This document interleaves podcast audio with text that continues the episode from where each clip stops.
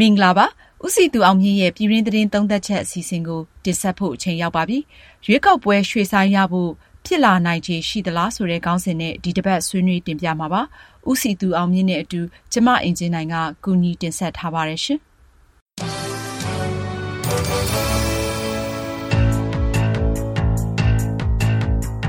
ပြည်ထောင်စုရွေးကောက်ပွဲကော်မရှင်ဟာလာမယ့်2020နိုဝင်ဘာ10ရက်နေ့မှာအထွေထွေရွေးကောက်ပွဲကြီးကျင်းပပေးမယ်လို့ကြေညာထားပြီး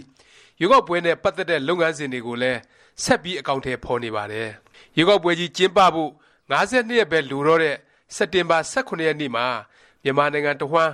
COVID-19 ဗိုင်းရပ်စ်ကူးစက်ခံရသူအသစ်404ယောက်ထပ်တွေ့ခဲ့ပြီးဒါဟာပြီးခဲ့တဲ့မတ်လ23ရက်မြန်မာနိုင်ငံမှာ COVID-19 ကူးစက်ခံရသူစတွေ့ပြီးကတည်းကတရက်ထဲအများဆုံးကူးစက်တဲ့စံချိန်လည်းဖြစ်ခဲ့ပါတယ်။ပြောရရင်လက်ရှိချိန်ဟာတကြောပြန်ဖြစ်ပွားလာတဲ့ COVID-19 ကူးစက်မှုမြင့်တက်နေတဲ့အချိန်ဖြစ်နေတာပါပဲ။ဒီလိုချိန်တွေအောက်မှာရွေးကောက်ပွဲကျင်းပမဲ့နေ့ကိုလာမယ့်နိုဝင်ဘာ၈ရက်သတ်မှတ်ထားတာကိုပြန်သုံးသပ်ဖို့ဒါမှမဟုတ်ရွှေ့ဆိုင်းပေးဖို့ရွေးကောက်ပွဲဝင်ကြမဲ့ပါတီတချို့ဘက်ကတောင်းဆိုတာမျိုးရှိလာပါတယ်။မြန်မာနိုင်ငံမှာတကြောပြန်ဖြစ်ပွားလာတဲ့ COVID-19 ကူးစက်မှုကြောင့်ရွေးကောက်ပွဲနဲ့ပတ်သက်ပြီးဘာတွေကြုံတွေ့နေရသလဲနိုင်ငံရေးပါတီတချို့ကဘလို့တောင်းဆိုနေကြသလဲရွေးကောက်ပွဲကျင်းပမဲ့နေ့ရွှေ့ဆိုင်ဖို့သင့်သလားဆိုတာ လေ့လာတင်ပြသွားပါမယ်ပြီးခဲ့တဲ့2015အထွေထွေရွေးကောက်ပွဲမှာ NLD ပြီးရင်အမတ်နေရဒုတိယအများဆုံးအနိုင်ရတဲ့ပြည်ခိုင်ဖြိုးပါတီဟာလာမယ့်အထွေထွေရွေးကောက်ပွဲကျင်းပမယ့်နေ့အဖြစ်နိုဝင်ဘာလ၈ရက်မှာသတ်မှတ်ထားတာကိုပြန်သုံးသပ်ဖို့ပြည်ထောင်စုရွေးကောက်ပွဲကော်မရှင်စီစာရေးသားတင်ပြပါတယ်။ ပြည်ခိုင်ဖြိုးနဲ့ သူ့ရဲ့မိတ်ဖက် ၂၄ ပါတီက ခေါင်းဆောင်တွေ လက်မှတ်ရေးထိုးပြီး တောင်းဆိုတာပါ။အလားတူ ၂၀၁၅ ရွေးကောက်ပွဲမှာ အမတ်နေရာ တတိယ အများဆုံးရခဲ့တဲ့ ANP ရခိုင်အမျိုးသားပါတီကလည်း လက်ရှိအခြေအနေမှာ တစ်တိုင်းပြည်လုံး အတိုင်းအတာအရ လွတ်လပ်ပြီး တရားမျှတသော ရွေးကောက်ပွဲများ ကျင်းပရန် လက်တွေ့အားဖြင့် မဖြစ်နိုင်သော အခြေအနေ ဖြစ်ပေါ်တည်ရှိနေမှုအား အလေးထား သုံးသပ်ဆောင်ရွက်ရန် ဆိုပြီး ပြောဆိုထားပါတယ်။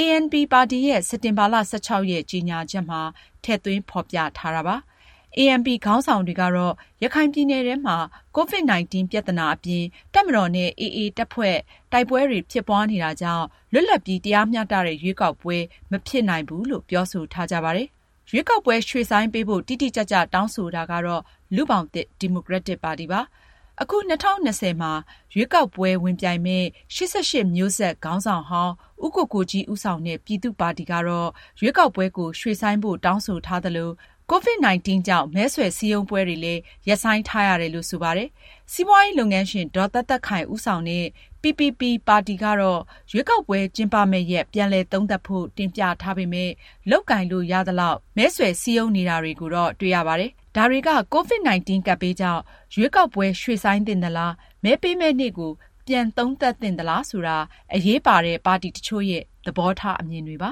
။ NLD ပါတီ ဥက္ကဌ ဒေါ်အောင်ဆန်းစုကြည်နဲ့ ဒုဥက္ကဌ ဒေါက်တာဇော်မြင့်မောင်တို့ကတော့ NLD ပါတီဝင်တွေနဲ့ ထောက်ခံသူ ပြည်သူတွေကို COVID-19 နဲ့ ပတ်သက်ပြီး ကျန်းမာရေးဝန်ကြီးဌာနက ထုတ်ပြန်ထားတဲ့ စည်းကမ်းချက်တွေကို လိုက်နာကြဖို့ လူစုလူဝေး ဖြစ်ပေါ်စေတဲ့ မဲဆွယ်စည်းရုံးမှုမျိုးတွေ မလုပ်ဖို့ မဲပေးမဲ့ရက်မှာကြမ်းကြမ်းမာမာနဲ့မဲပေးနိုင်အောင်ဂရုစိုက်နေထိုင်ကြဖို့မေတ္တာရပ်ခံပန်ကြားထားတာတွေ့ရပါတယ်။အာဏာရ NLD ပါတီအနေနဲ့ရွေးကောက်ပွဲနေ့ကိုပြန်သုံးသပ်ဖို့ရွှေ့ဆိုင်ပေးဖို့တရားဝင်ထုတ်ပြန်ပြောဆိုတာမျိုးမကြားမသိရပါဘူး။ဒါပေမဲ့ NLD ပြောခွင့်ရဒေါက်တာမျိုးညိုးကတော့လက်ရှိလွှတ်တော်သက်တမ်းမကုန်ခင်နိုဝင်ဘာ၈ရက်ကနေနောက်ထပ်အချိန်တစ်လတစ်လခွဲလောက်ထိရွေးကောက်ပွဲကျင်းပမဲ့နေ့ကိုရွှေ့ဆိုင်းမယ်ဆိုရွှေ့ဆိုင်းလို့ရတဲ့အကြောင်း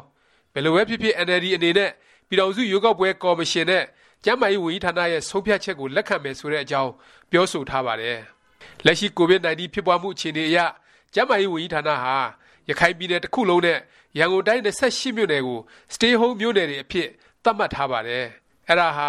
တနိုင်ငံလုံးမဲဆန္ဒနယ်စုစုပေါင်းရဲ့14ရာခိုင်နှုန်းလောက်နဲ့ညီမျှပြီးအဲ့ဒီနယ်မြေတွေမှာလူစုလူဝေးနဲ့မဲဆွဲတာတရင်တက်ဆေးမဲဆွဲတာမျိုးလုပ်လို့မရပါဘူး။ဂျာမဲဆန္ဒနယ်မြေတွေကတော့ ကျန်းမာရေးဝန်ကြီးဌာနကထုတ်ပြန်ထားတဲ့ COVID-19 စည်းကမ်းချက်တွေနဲ့အညီလူ90အောက်စုယုံမဲဆွယ်ခွင့်ပေးထားပါတယ်။စက်တင်ဘာလ18ရက်နေ့အထိစီးရင်တွေအရမြန်မာနိုင်ငံမှာ COVID-19 ကူးစက်လူနာစုစုပေါင်း၄,၂၉၉ဦး၊သေဆုံးသူ၆၁ဦး၊ဆေးရုံကဆင်းပြီးသူ၉၄၄ဦးရှိပြီဖြစ်တာကြောင့်လက်ရှိကုသပေးနေရဆဲ Active လူနာ၃၂၉၄ဦးရှိနေပါတယ်။ ဒုတိယတကြောလို့ ပြောနိုင်တဲ့ ရခိုင်ပြည်နယ် စစ်တွေမှာ ကူးစက်လူနာ စတွေ့တုန်းက မြန်မာနိုင်ငံမှာ COVID-19 ကူးစက်ခံရသူ ၃၇၅ ယောက်ပဲ ရှိရာကနေ တစ်လကျော်လေးအတွင်းဆယ်ဆကျော်လောက်ရှိမယ့် နောက်ထပ် လူ ၃၉၀၀ ကျော် ကူးစက်ခံရ၊သေဆုံးသူကလည်းဆယ်ဆလောက် တက်လာတဲ့ အနေအထားမို့ COVID-19 ကပ်ရောဂါ အခြေအနေ အရင် ၅ လတာ ကြုံရတာထက် အများကြီး ဆိုးနေတယ်လို့ မှတ်ယူနိုင်ပါတယ်။ လောလောဆယ် COVID-19 ကူးစက်ပျံ့နှံ့မှုအရှိန် မြင့်တက်နေတယ်လို့ ဆိုရင်လည်း မမှားပါဘူး။ရွေးကောက်ပွဲ တစ်ခု ကျင်းပဖို့ ဆိုရင် မဲပေးမယ့်နေ့ဟာ COVID-19 ကို ထိန်းချုပ်ထားနိုင်တဲ့ အခြေအနေ၊ပြည်သူတွေ ဘေးအန္တရာယ် ကင်းကင်း မဲပေးနိုင်တဲ့ အခြေအနေမျိုး ဖြစ်ဖို့ လိုတယ်လို့ ကျန်းမာရေးဆိုင်ရာ ကျွမ်းကျင်သူတွေက အကြံပေးကြပါတယ်။ဒီအတွက် ပြည်ထောင်စု ရွေးကောက်ပွဲ ကော်မရှင်နဲ့ ကျန်းမာရေးဝန်ကြီးဌာန အနေနဲ့ အဓိက စဉ်းစားရမှာက နိုဝင်ဘာ ၈ ရက်ဝန်းကျင်ဟာ COVID-19 ကို ထိန်းချုပ်ထားနိုင်တဲ့အချိန် ဖြစ်မဖြစ်၊ပြည်သူတွေ ဘေးအန္တရာယ်ကင်းကင်း မဲပေးနိုင်တဲ့ အခြေအနေ ရှိမရှိပါပဲ။ရန်ကုန်တိုင်း COVID-19 ကာကွယ်ထိန်းချုပ်ရေးအဖွဲ့ ဒုဥက္ကဌဒေါက်တာဇော်ဝေစိုးနဲ့ ရန်ကုန်တိုင်း ဝန်ကြီးချုပ် ဦးဖြိုးမင်းသိန်းတို့ကတော့ လက်ရှိအခြေအနေအထိ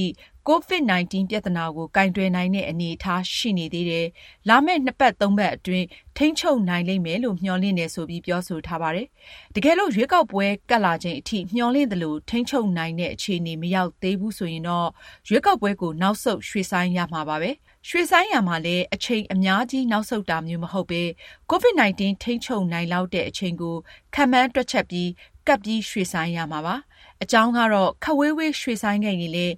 အဲဒီအချိန်မှာ COVID-19 ကို ထိန်းချုပ်ထားနိုင်တဲ့အချိန်ဖြစ်နေ၊မနေဘယ်သူမှ အတတ်ပြောနိုင်မှာ မဟုတ်လို့ပါပဲ။အခြားတစ်ဖက်မှာတော့ရွေးကောက်ပွဲကော်မရှင်ဟာသန်းရာနဲ့ချီရှိမယ့်မဲလက်မှတ်တွေရိုက်နှက်ပြီးပြီလို့သိရပါတယ်။နိုင်ငံခြားရောက်မဲဆန္ဒရှင်တွေကတော့အစောဆုံးအောက်တိုဘာလဆန်းမှာကြိုတင်မဲပေးနိုင်ကြဖို့စီစဉ်နေတာလည်းတွေ့ရပါတယ်။လတ်တလောအခြေအနေအရတော့ကျန်းမာရေးနဲ့ကော်မရှင်တာဝန်ရှိသူတွေဘက်ကရွေးကောက်ပွဲရွှေ့မရွှေ့ပြောဖို့ အချိန်စောနေသေးတယ်လို့ယူဆနေကြမှာဖြစ်ပြီးတကယ်လို့ရွှေ့ဆိုင်းခဲ့ရင်တောင်နိုဝင်ဘာ၈ရက်နဲ့သိပ်မဝေးတဲ့ရက်ကိုသာရွှေ့ဆိုင်းကြဖို့ဖြစ်နိုင်ကြောင်းပါ